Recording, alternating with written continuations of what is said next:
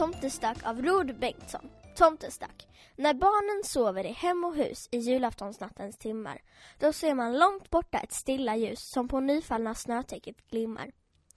Ljuset kommer från tomtarnas kök. Där inne är alla på benen. En väldas fart med pyssel och stök och ekorren spejar från grenen.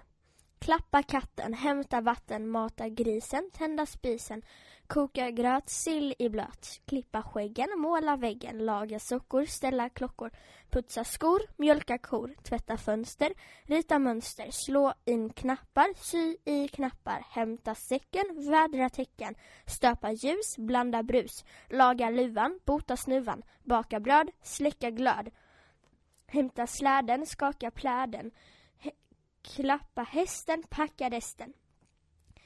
Nu är tomten klar med alla julklappsrimmen på barnens alla paket.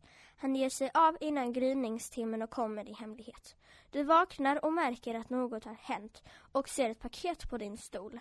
Och någon måste granen ha tänt. Det är likadant som i fjol. Och jag som läste var L. Lorenz i klass 3B på Mombikoskolan i Malmö.